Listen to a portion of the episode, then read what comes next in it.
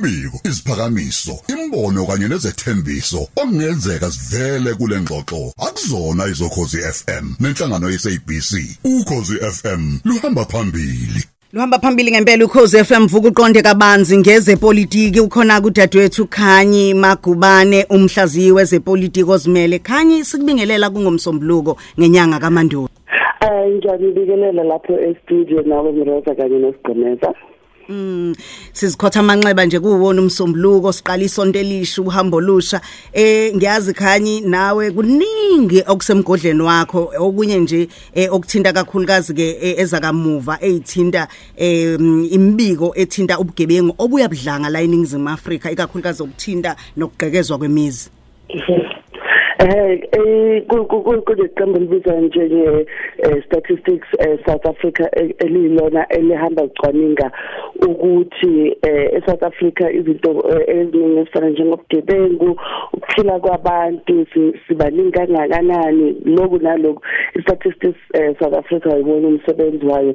Manje ke isikhiphe umbiko obonisayo ukuthi ubugebengu kuya ngokukhula eNingizimu Afrika kakhulukazi ubugebengu eh kwase endlini ama robbery eh ama contact crime ama ubugebengu obuhlangane eh nabantu. Manje lokho ngicabanga ukuthi kuyinto amaqembu epolitiki azimisele ukuyekhethweni onyakeni olandelayo. Okuzofuneka ukuthi bagcizelele khona ngekexazululo ukuthi kuzofuneka ukuthi bakhulume into ezwakalayo ukuthi bazimisele kanjani ukuthi abantu base South Africa baqale ukuzizwa bephephile ngoba siyazi ukuthi ubugebengu kakhulu benza ukuthi abantu bangazizwa bephephile ngoba ubugebengu kwenza ukuthi kube nzima ukuthi abantu bahambe emgaqweni ngoba uyazi ukuthi kwesinye isikhathi amatekisi amabhasi awekho abantu sekuleyo ukuthi bahambe ngenyawo kusuke endaweni zomsebenzini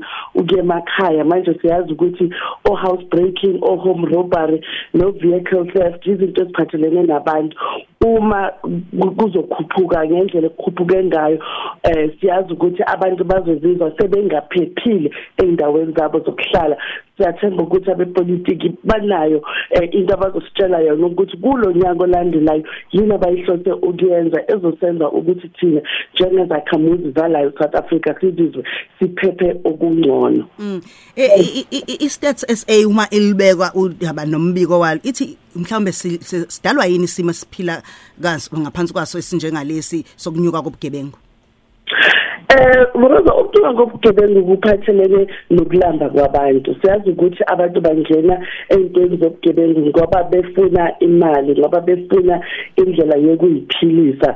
Eh engingasho ukuthi akuyona into esingathi sayivuma kodwa into kufanele ukuthi sibheke ukuthi ipoverty nayo iyayidlala ingxenye ekutheni abantu baze ba decide ukuthi mhlawumbe uma ngiyahamba ngiyogqekeza indlu kaMroza ngizokwazi ukuthola uTV ngithola i-laptop ngithole ifoni ngithole ini ngithole ini engizokwazi ukuthi ngihambe ngiyithengisa nami ngibe nako engikudlayo. So i-poverty ngempela ngempela iyayidlala ingxenye enkulu kabi ekutheni abantu bayithole sebenganayo enye choice ukuthi bengenzani ngcono bahambe bayogqekeza benze lokubo bugebengu ukuthi nabo bakwazi ukuphila. Futhi okunye idakamizwa siyazi ukuthi emndenini eminingi kuye kube nezingane ezingena konyawupe ezingena ema-drugsini ahlukahlukene. Lezo ingane ziyahlupha ngempela emphakathini. Yizona ezihamba zigqekeze zintshontshe kwasani ukuthi zizokwazi ukuthi zithole lokho abakubhemayo nangeyiphi indlela abangakwazi ukuyithola ngakhona. Kwesinye isikhathi sesibheke nje nama-structures we-family ukuthi uma ingane zingaveli kuma-family structures angathi aqinile lapho isandla ezingaqinanga khona ingane zinje ziphume endleleni zigange ngendlela ezifuna ukuganga ngakhona. Izathu ziningi nje mroza esingasho ukuthi eh ziyacontribute kule factor yokuthi ubugebengu kubuningi eMzantsi Afrika. Siyizwe laseningizimu Afrika eh, sibhekene nenkinga nenselele enkulu kakhulukazi uma kuziwa kugesi. Ngabe zithini ke inhlelo eh kusuka manje nje kuya phambili ezithinta ugesi? Njengoba usho ukuthi abanye babuye emsebenzini babuye sebehamba ngeinyawo ngaleso sikhathi ushothi isikhathi la kuthiwa ke ugesi awukho ucinyiwe. Eh zithini inhlelo kumanje? Eh ungqongqoshe osehofisini likamongameli wezwe ukhumbuzo Ntshabeni ukhulumile na nabezindaba washo ukuthi baye baba nomhlangano nongqongqoshe wegesi uHosiyenso Ramakhupa wase wabathembisa ukuthi lokho sikubonayo kwamanje kwamazinga phezulu we load shedding njengoba eh kulamasonto adlulile besoke siku stage 6 stage 8 la ugesi uhamba khona isikhathi esifana njengo 4 hours isikhathi esisodwa. Abantu abangakwazi ukusebenza imigaqo ama robot angasebenzi. Bathi okwesikhashana kuphela eh kune eh, kunama plan wokuthi eh, bakhuphule icapacity. Siyazi ukuthi kunezinto efana ezibizwa njengama power plant ekuyizona eh, ezigaya ugesi. Bathi ama power plants afana njengokusile unit 1 to 4 eh babhizi ngawo bayawasevisa esezobuya asebenze. Kuzoba ngcono eh abakushoyo nje ukuthi izakhamuzi azinyamezelo kwesikhashana engithemba ukuthi eh i government uhulumeni uzokubhekisisa lokho ukuthi izithembiso zizodwa kodwa bazokwazi ukuyifeza na izithembiso ngoba basithembisile ekuqaleni konyaka umongameli ngalesikhathi eqoka yena umongameli ungqongqoshe wegesi ukuthi i load shedding kuzoba yinto yangasemuva kuzoba yinto of the past kodwa sisabona ukuthi uSeptember manje kodwa kunokuthi izinto ziye ngokuba ngcono. Sibona ngathi izinto ziba worse manje ke siyathemba ukuthi iqembu le-ANC kanje naye uhulumeni uzozifeza ithembiso zakhe. Ngoba ngicabanga ukuthi izakhamuzi zase-south africa into ye-low shedding ngempela ngempela sesikhathele hayi kabi. Ngisho namabhizinisi um ukudla emafrijini kuyabola. Kunezinto nje eziningi ezingahambi kahle ngenxa yayo i-load shedding. Usakhuluma nje lapho ake singene odabeni oluthinta iqembu le-DA sizwe sizwe ngasithi sikuthiwa yethula umthetho ovimbela ukuthi eh kube kanye ngonyaka iziphakamiso zokungabethembi eh, umongameli kanye nondunankulu. Mhlambe lolo daba lusuka kuphi luya kuphi lubhekiphi hey njengoba sazi mroza ukuphakamisa kokuthi asinayo ithemba ebuholini babantu emotion of no confidence siyazi ukuthi seyeze yaba yinto esijwayele kuma-politiki la eMzantsi Afrika kakhulukazi komasipala la kunama coalition asebenzisanayo.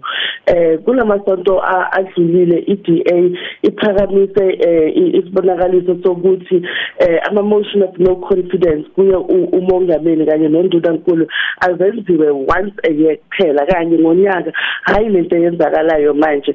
Esikubonayo manje ukuthi neliphi neliphi iqembu lepolitiki elifuna ukususa umholi lingakwazi ukuthi libhalele eh noma uparliament noma umasipala lifake iagenda kumhlangano olandelayo ukuthi sifuna ukuthezula emotion of no confidence manje kunamaqembu ayisikhombisa wepolitiki aye ahlangana abalesivumelwano sokusebenzisana i-multi party charter lamaqembu ayisikhombisa avumelene ukuthi azosebenzisana okhethweni lonyaka ozayo yiwona ke aphushayo kakhulu ukuthi cha ake kuhleshiswe kancane izinto zomotion of no confidence inyanga nenyanga.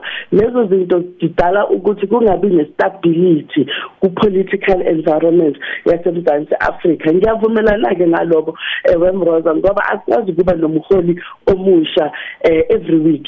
Namhlanje nina kusasa? Wena akusebenzi kanjalo. Kuzofuneka ukuthi kubhekisiswe ukuthi ama motion of no confidence kanye ngonyaka kungaba into enhle engicabanga ukuthi uma amaqembu epolitiki angavumelana kungaba yinto ngempela ngempela ezosiza ukuletha istability. Siyabonga kakhulu Khanyi Magubane mhlaziwe zepolitiki ozimele ngokuthi ke ukuthi kusicobelela nje kungumsombuluko namhlanje. Hayi ngiyabonga kakhulu nibe nosuku oluhle. Sesiphinde sihlangane ngokuzayo.